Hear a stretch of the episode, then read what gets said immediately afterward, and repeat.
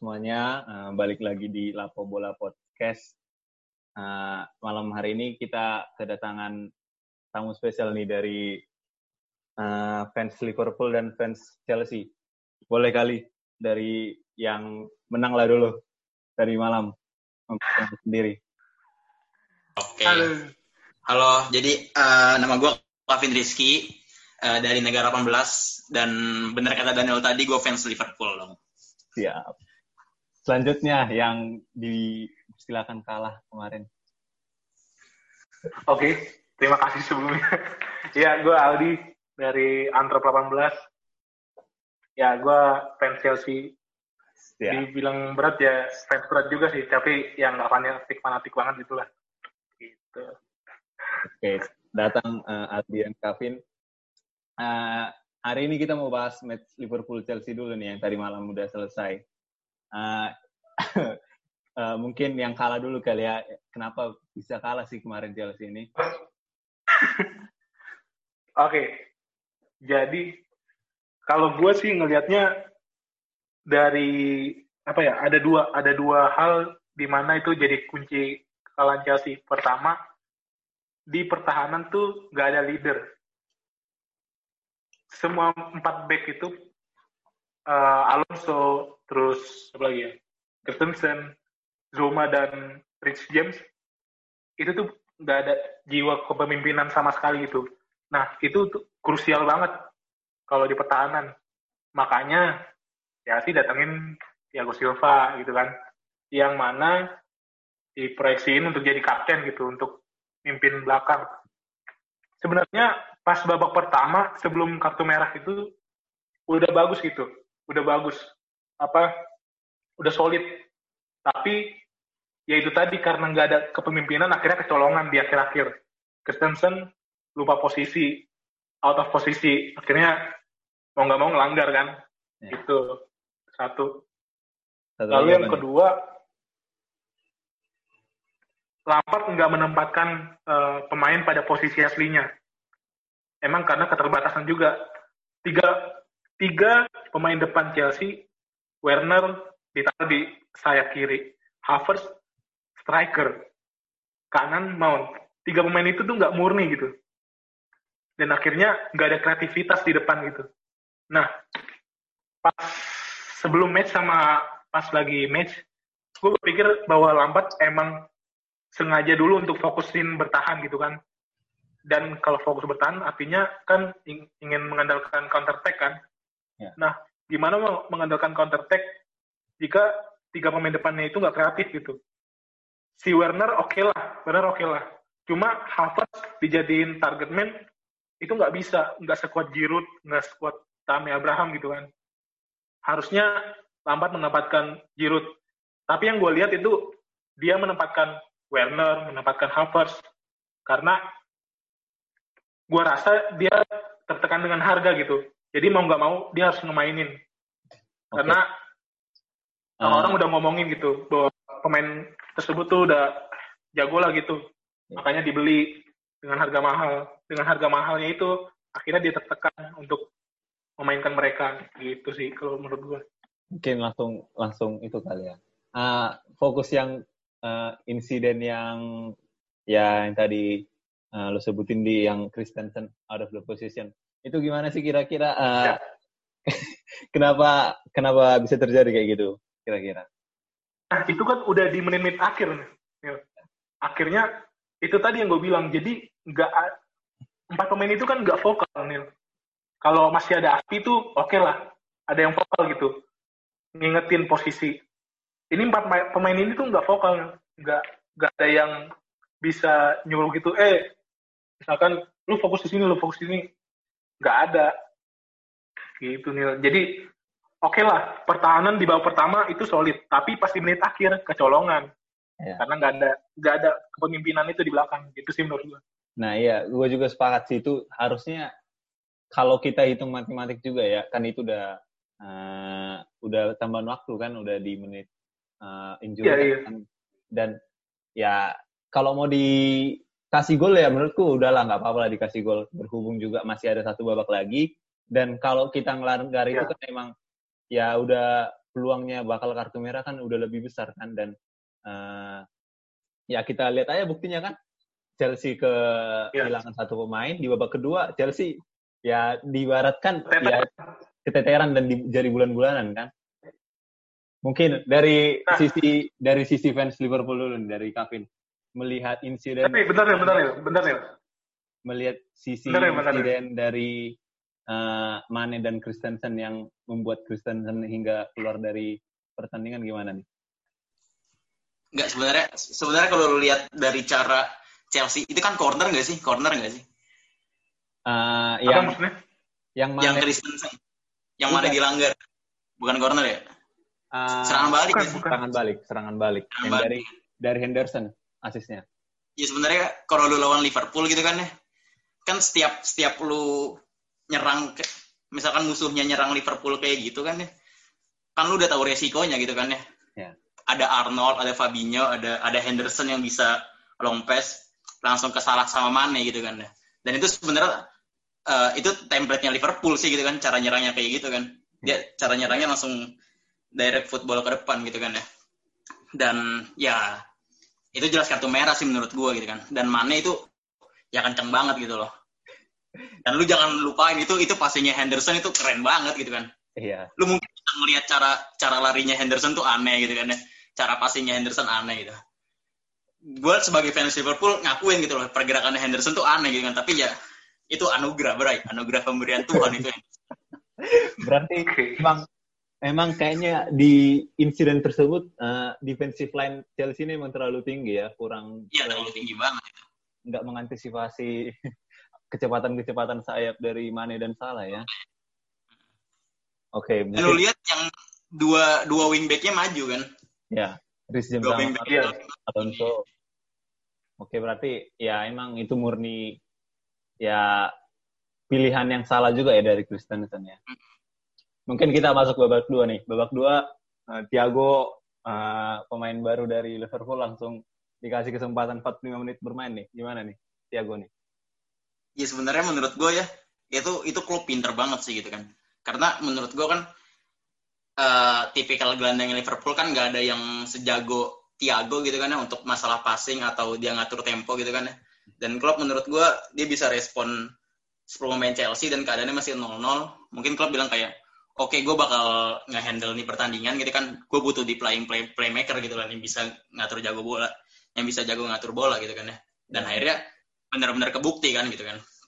Dan yang bikin gue heran adalah uh, si Wisnaldum sama Keita itu bener-bener lari-lari lari-lari ke mana gitu loh. Tenaganya nggak bakal habis gitu loh. Jadi kayak Wisnaldum sama Keita tuh lu mau ke kanan depan kiri belakang gitu kan si Tiago tinggal ngebacking di belakang aja dan itu itu keren sih menurut gue dan yang yang gue perhatiin juga di match babak kedua itu kayaknya emang lini tengah Chelsea nggak bisa ya menandingi lini tengah dari Liverpool. Iya nggak bisa.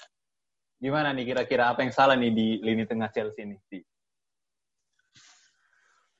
Kalau gue lihat gini, uh, Kanti tuh nggak bisa nggak bisa dijadiin uh, apa CMF gitu apa center midfielder gitu. Dia tuh posisi aslinya kan DMF, defensif kan.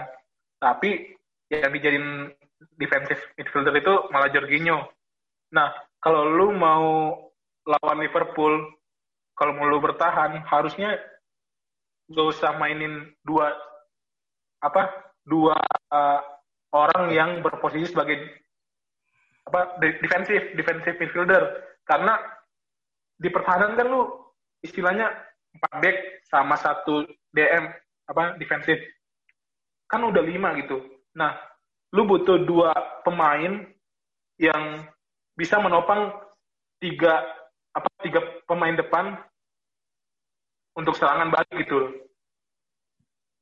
Dan iya sih uh, kualitasnya nah, juga. Kante Kante untuk serangan tuh dia nggak bisa, tapi untuk nutup oke okay lah. Tapi untuk apa serangan balik dia tuh nggak punya kreativitas gitu loh. Apalagi, dia cuma punya apa kecepatan gitu loh apalagi Kova Kovacic ya aku uh, eh, gue juga nggak terlalu impress ya sama Kovacic ya dan dia kayaknya ya cuman ada doang di lapangan nggak ada jadi faktor pembeda atau faktor S gitu Ya terlebih juga Jorginho, Iya, iya, nah, iya. dia yang megang bang ban kapten dan yang dia ngambil penalti khusus nih Jorginho. Apa yang terjadi nih dengan Jorginho nih dalam penalti itu? itu udah gue khawatirkan dari dari lama Nil. Jadi itu tuh tekniknya gampang ditebak sebenarnya. Kiper nggak usah gerak. Waktu itu kan Jorginho pernah gagal juga kan lawan City. Ederson ne- nepis. Nah, Ederson sama siapa? Alisson itu mereka kan nggak gerak. Itu antisipasinya, antisipasi penalti Jorginho jangan gerak dulu gitu. Akhirnya ketebak. Begitu. Ya, terlebih juga uh, agak rawan penaltinya Jorginho ini. Alisson juga uh, bermain bagus ya tadi malam. Uh, tampaknya dia nggak ada satu kesalahan pun. Apalagi kan gol kedua gol kedua Chelsea kelihatan kali uh, kalau Keva itu emang Pak, kayaknya emang bukan di Chelsea sih. Oh, ya. itu emang salah-salah itu kalau menurutku di match, match berikutnya uh, Lampard harus ngasih pelajaran sih dengan tidak memberikan dia kesempatan bermain dulu. makanya didatengin Mendy, Ferland Mendy untuk eh bukan Ferland Mendy apa? Edward Mendy. Supaya ada saingan lah gitu. Karena kalau Caballero doang itu bukan saingan, Iya. dia nggak nggak jadi terpacu gitu. Kalau kiper keduanya Caballero gitu loh. Oke lah, berarti ya, ya gue akuin uh, juga sebagai uh, penikmat sepak bola yang menonton match ini tadi malam, emang Liverpool masih jauh di atas Chelsea. Liverpool itu udah paket komplit dan itu mereka menurutku masih masih bisa ke next levelnya. Ya, Enggak, sebenarnya sebenarnya ini ya menurut gue ya. Eh, Liverpool tuh agak beruntung gitu loh. Nggak- Chelsea tuh nggak mainin IMF gitu loh. Iya nggak sih? Nah Chelsea ya, tuh nggak main Dua, dua kan. Liverpool bisa bisa ngepres tengahnya Chelsea gampang banget gitu kan karena kan udah udah ya sistemnya udah kayak gitu gitu kan ya. Dan kalau lo lihat gitu kan ya di babak pertama gitu kan ya, sebenarnya kan Chelsea kan mau eksploitasi Liverpool tuh di di di sisinya Arnold kan. ya di sisinya Arnold karena dia sering over, uh, overlapping gitu kan. Marcos Tapi Alonso. ya yang yang yang backup tuh Fabinho gitu loh. Dan ternyata Fabinho jago banget ditaruh di CB gitu loh. On fire banget coba. Gokil itu. Dia. Bahkan eh, lebih bagus dia daripada Joe Gomez atau Joel Matip. Nah, iya, kalau menurut gua kalau lu pasang Joe Gomez eh, untuk untuk nempel si Werner, gue yakin kartu kuning udah gitu kan. Ya, lepas. Karena Joe Gomez emosinya masih masih masih inilah masih hancur lah. kan? Ya. Ya, eh, ya memang juga Chelsea masih belum komplit ya eh, para pemainnya. Belum ada Thiago Silva yang bermain, Ben Chilwell dan ya Werner sih kayaknya udah klop, eh, udah udah bisa menyatu dengan permainan Chelsea. Tapi Ya. Havertz ini kayaknya masih butuh waktu sih emang. Ya, Ini Nil, Mas Havertz itu tuh posisi aslinya IMF Nil, posisi 10. itu Ah. diduetin sama Mason Mount itu gacor. Tengah apa depannya Werner, kirinya Pulisic, kanannya Ziyech. Wah itu impian gue banget sih. Oh iya, Ziyech juga belum main itu itu juga. Ya, ini bisa itu, jadi itu bisa jadi bahan pelajaran lah ya buat ya ke depannya. Oke, mungkin kita bahas next match lain nih. Nah, match sebelumnya kan ada Tottenham lawan Southampton nih. Pada nonton gak nih? Gue nonton, tapi ya sesekali nonton. Kayak apa ya, gue cuma sesekali doang liatnya. Lo Vin, nonton gak Vin? Gue kan- nonton. Ya. Tapi gue lihat dari gol-golnya gitu kan ya, kayak itu bukan Tottenham banget sih gol-golnya gitu loh. Kenapa tuh bukan Tottenham? Tapi Mourinho banget. Tapi itu Mourinho Mourinho banget. banget. Itu Mourinho banget. Bukan kayak bukan kayak siapa tahun lalu tuh? Pochettino banget. Itu mah. Iya. Tapi eh, Ken 4 asis loh, 4 asis dan satu gol. Gimana nih Nah, Ken? ini makanya menurut gue ini, ini anomali anjir. Kan bisa asis gitu. Ah. Dia kan dia kan posisinya kan agak agak ke belakang kan gitu kan, ngasih umpan terobosan ke Son Heung-min kan. Iya. Itu menurut gue aneh sih gitu kan. Aneh sih Ken Ken bisa asis sebanyak itu. dia eh ya apalagi di musim ini mereka kedatangan Gareth Bale ya dan uh, Reguilon kayaknya filosofi bermain dari Jose Mourinho bakal tepat lah di Tottenham ini ya dengan kecepatan-kecepatan para pemain sayapnya. Iya, gue setuju, gue setuju. Apalagi juga Cuma eh, gimana Bin? Eh, gimana Din? Apa, apa ya lanjut, lanjut, lanjut. Nah, apalagi uh, ya masih ada loh Lukas Moura sama Erik Tamela yang sama-sama punya kecepatan sama uh, siapa tuh pemain sayapnya juga dari Belanda. Emang kayaknya Mourinho sudah mer sudah merancang tim ini buat jadi tim-tim yang punya lari yang sangat kencang ya. Iya. Sebenarnya kalau lihat dari transfer Tottenham ya, itu sukses banget di, di, di apa di musim ini gitu kan. Karena menurut gua Tottenham tuh kan kurang di wingbacknya kan. Terus lu langsung datengin dua kan Reguilon sama McDoherty kan. Iya. Dan itu itu itu cocok sih bagi Tottenham gitu. Ya, tapi sejujurnya kalau Tottenham di bawah Mourinho ya belum bisa di, dianggap besar ya, tapi ya kita lihat aja di hmm. musim ini ya gimana Mourinho bisa bawa Tottenham ya. Mungkin kita ke match yang lain juga nih. Uh, ada yang salah dengan MU nih. Mereka kalah 3-1 nih. Gimana nih ini? Kalau eh siapa dulu nih? Boleh dulu. Oke, kalau gue lihat MU ya. Lagi-lagi kan, aduh gue kalau ingat divingnya Bruno tuh gue kesel sih. Di luar kotak penalti lagi. Ya. ya itulah. Dan Terus uh, ya menurut gue sih masih wajar ya. Karena masih mereka udah jalanin pra pra musim dua kali ya? Dua dua match ya? Atau satu satu kali? Satu, satu match. Aston Villa itu? Iya satu match. Dan itu juga kalah. Nah, nah itu kalau menurut gue ya emang belum kompak aja ya. Van de Beek-nya menurut gue pembelian Van de Beek itu cukup bagus ya maksudnya bisa mengisi kedalaman squad United gitu. Nah, tapi PR-nya uh, Ole lagi-lagi agak kompakannya itu sih.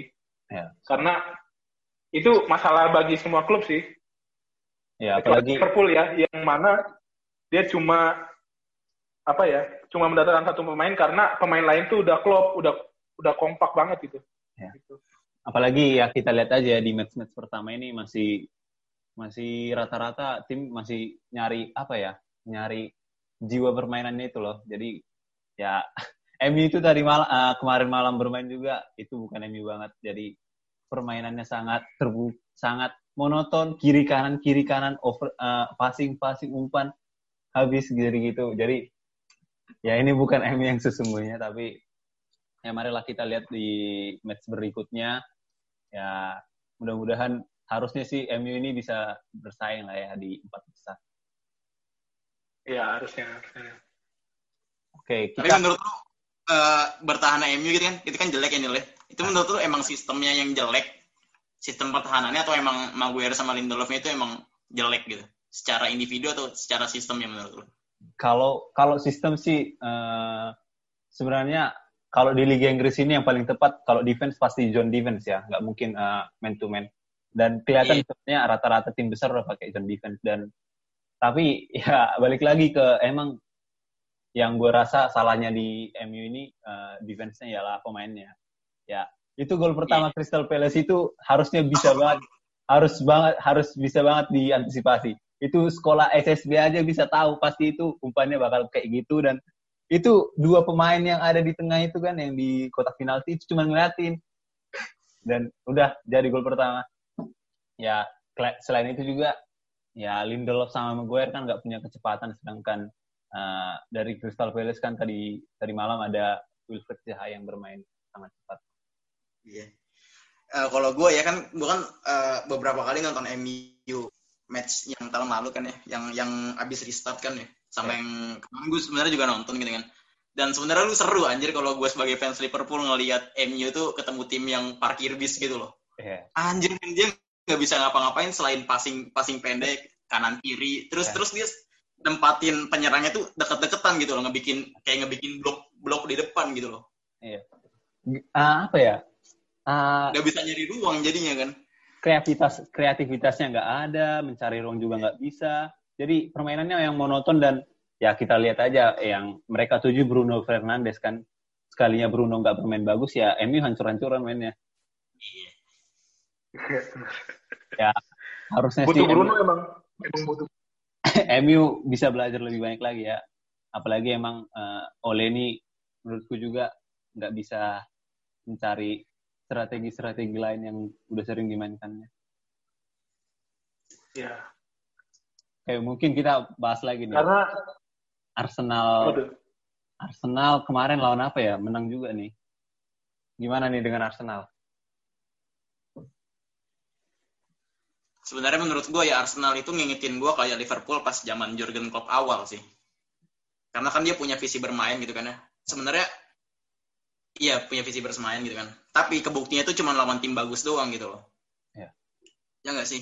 Ya. Kalau dia ketemu sama tim-tim yang bertahan gitu kan, ya itu masih masih masih sering naik turun performanya gitu loh.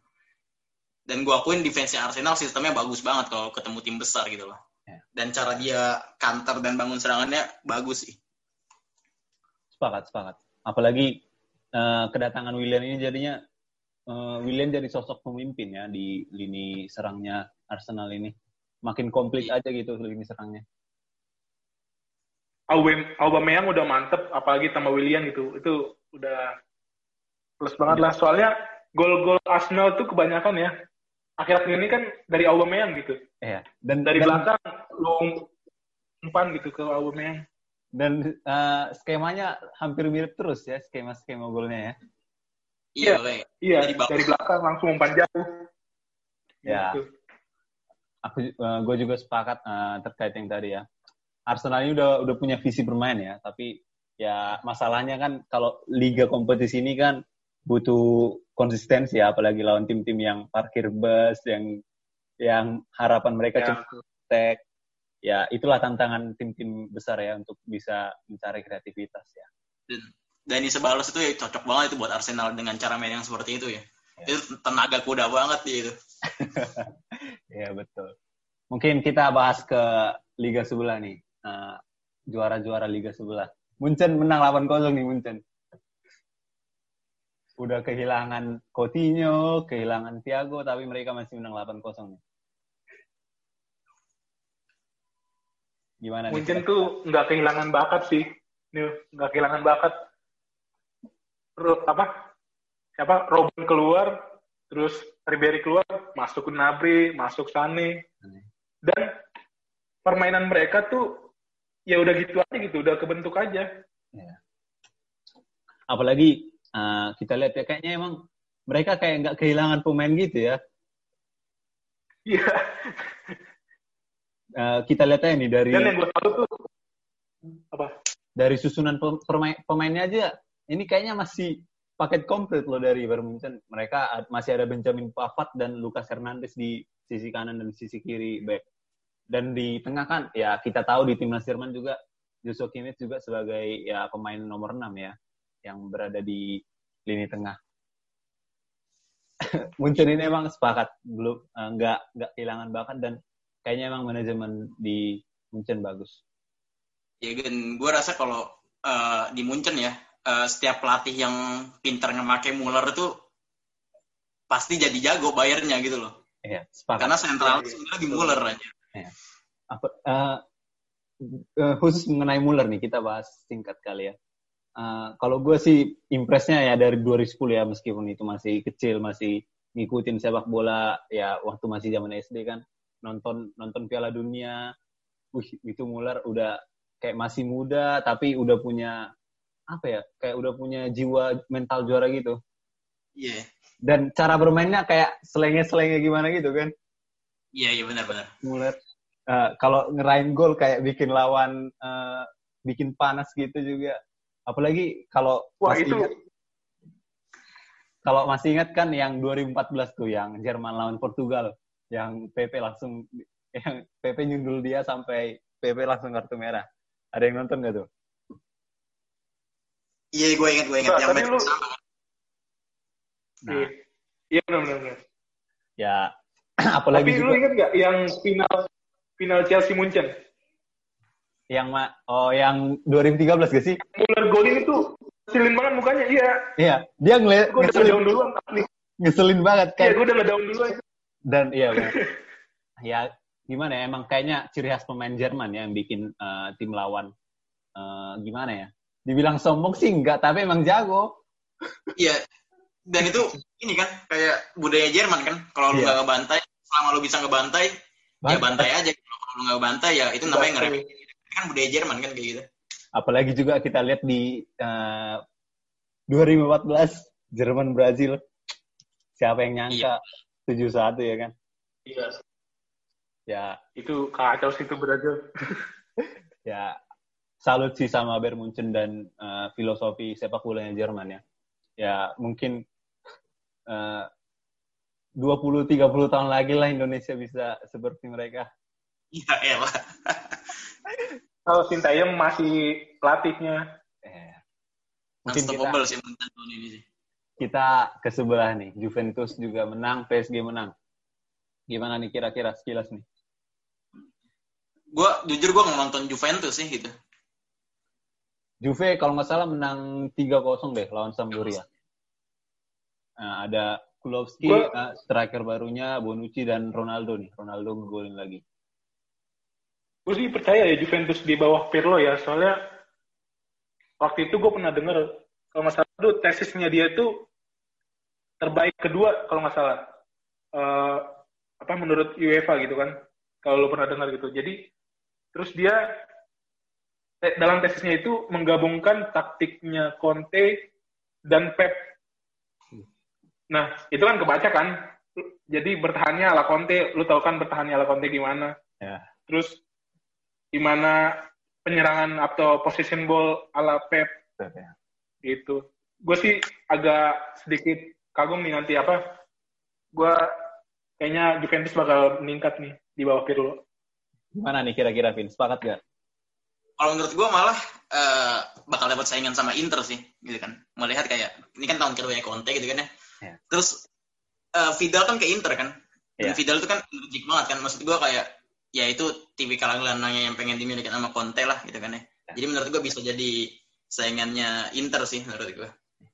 Inter Ya, juga ya. menang. Tapi kalau Lautaro Martinez nggak pindah ya. Tapi kalau Lautaro Martinez pindah ke Barca ya ya nggak bisa nggak bisa lu challenge Juventus. Apalagi Ya, betul. eh, match, match terakhir eh, pertandingan persahabatan Inter menang 7-0. Ya eh, ya memang Juve masih ada setingkat di atas ya menurutku juga dari Inter tapi Inter bakal mempersulit eh, Juve sih di Liga Italia tahun ini. Mungkin Maksudnya kita- kan Juventus kan udah nggak ada Higuain kan. Nah, iya, Juve juga nggak Iya. ada higuain. Eh, kita mungkin juga bahas ini nih, eh, PSG. PSG juga menang nih tanpa kehadiran Neymar. Mereka menang 3-0. Gimana nih kira-kira?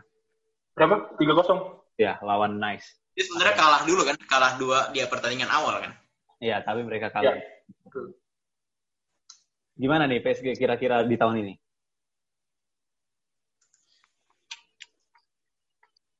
Dia, eh, gua kira eh, dia kalau Prancis pasti udah pasti juara ya kan ya. Mungkin dia bakal eh, nge-push di Champions League lagi sih gitu kan ya. Kira-kira Menurut Tapi gua untuk- kayak eh eh, squad PSG tuh kalau di final kemarin tuh gue gue yakin dia nggak terlalu kecewa gitu kan ya karena karena ya itu jadi sejarah sejarah pertama bagi klubnya gitu kan ya dan menurut gue eh, semangatnya bakal sama lagi sih untuk ngejar eh, Champions League lagi ini ya. di tahun ini Tapi untuk untuk nge-challenge Champions League kayaknya gue rasa kurang karena mereka kehilangan leader sih di Iya, diri Thiago Silva sih. Ya, Itu apalagi kehilangan banget. apalagi tahun depan katanya eh, Mbappe udah habis masa kontrak ya dan sepertinya udah saat ya sebenarnya lu lihat pemain PSG deh pemain bertahan tuh nggak ada yang bagus gitu loh Iya, dari DM Ada Kim Pembe apa itu? Marquinhos. lu lihat lu lihat wingbacknya juga nggak ada yang bagus untuk untuk bisa overlap overlap gitu kan Ya. nggak kayak tim-tim besar lain Iya. gitu loh apalagi zaman sekarang ya back sayap itu sangat dibutuhkan ya. Back modern lah gitu. Ya semifinal Liga Champions kira-kira nyampe nggak nih PSG nih? gua kira gua kira nyampe sih gua kira nyampe Kalau Ya. gue menurut gue enggak. Butuh butuh pemain senior, butuh butuh sosok leader lagi kalau menurut gue harus didatengin. dan emang uh, kalau mau challenge. gue juga sepakat sama Aldi. Uh, Neymar ini bukan sosok leader ya. Dia yeah. tidak bisa diharapkan sebagai pemimpin di dalam satu tim ya. Ya mungkin kita lihat kita lihat aja ya uh, eh, PSG ya. Mungkin mereka bakal juara di 30 match pertama atau gimana dan kita lihat aja nanti di akhir musim mereka sampai mana uh, di Liga Championnya ya mungkin itu dulu dari kita. Ya uh, makasih buat Aldi dan Kevin ya oh, udah siap thank you Neil. Yang menyempat, menyempatkan waktunya. Uh, lain kali kita bahas lagi nih dari sudut pandang sebagai fans Chelsea dan sebagai fans Liverpool nih. Gua okay, siap siap. Tuan rumah uh, mengucapkan terima kasih sekali lagi. Oke, okay, uh, terima kasih. Yoi, thank you Neil. Thank you. Thank you Neil. Thank you Gavin.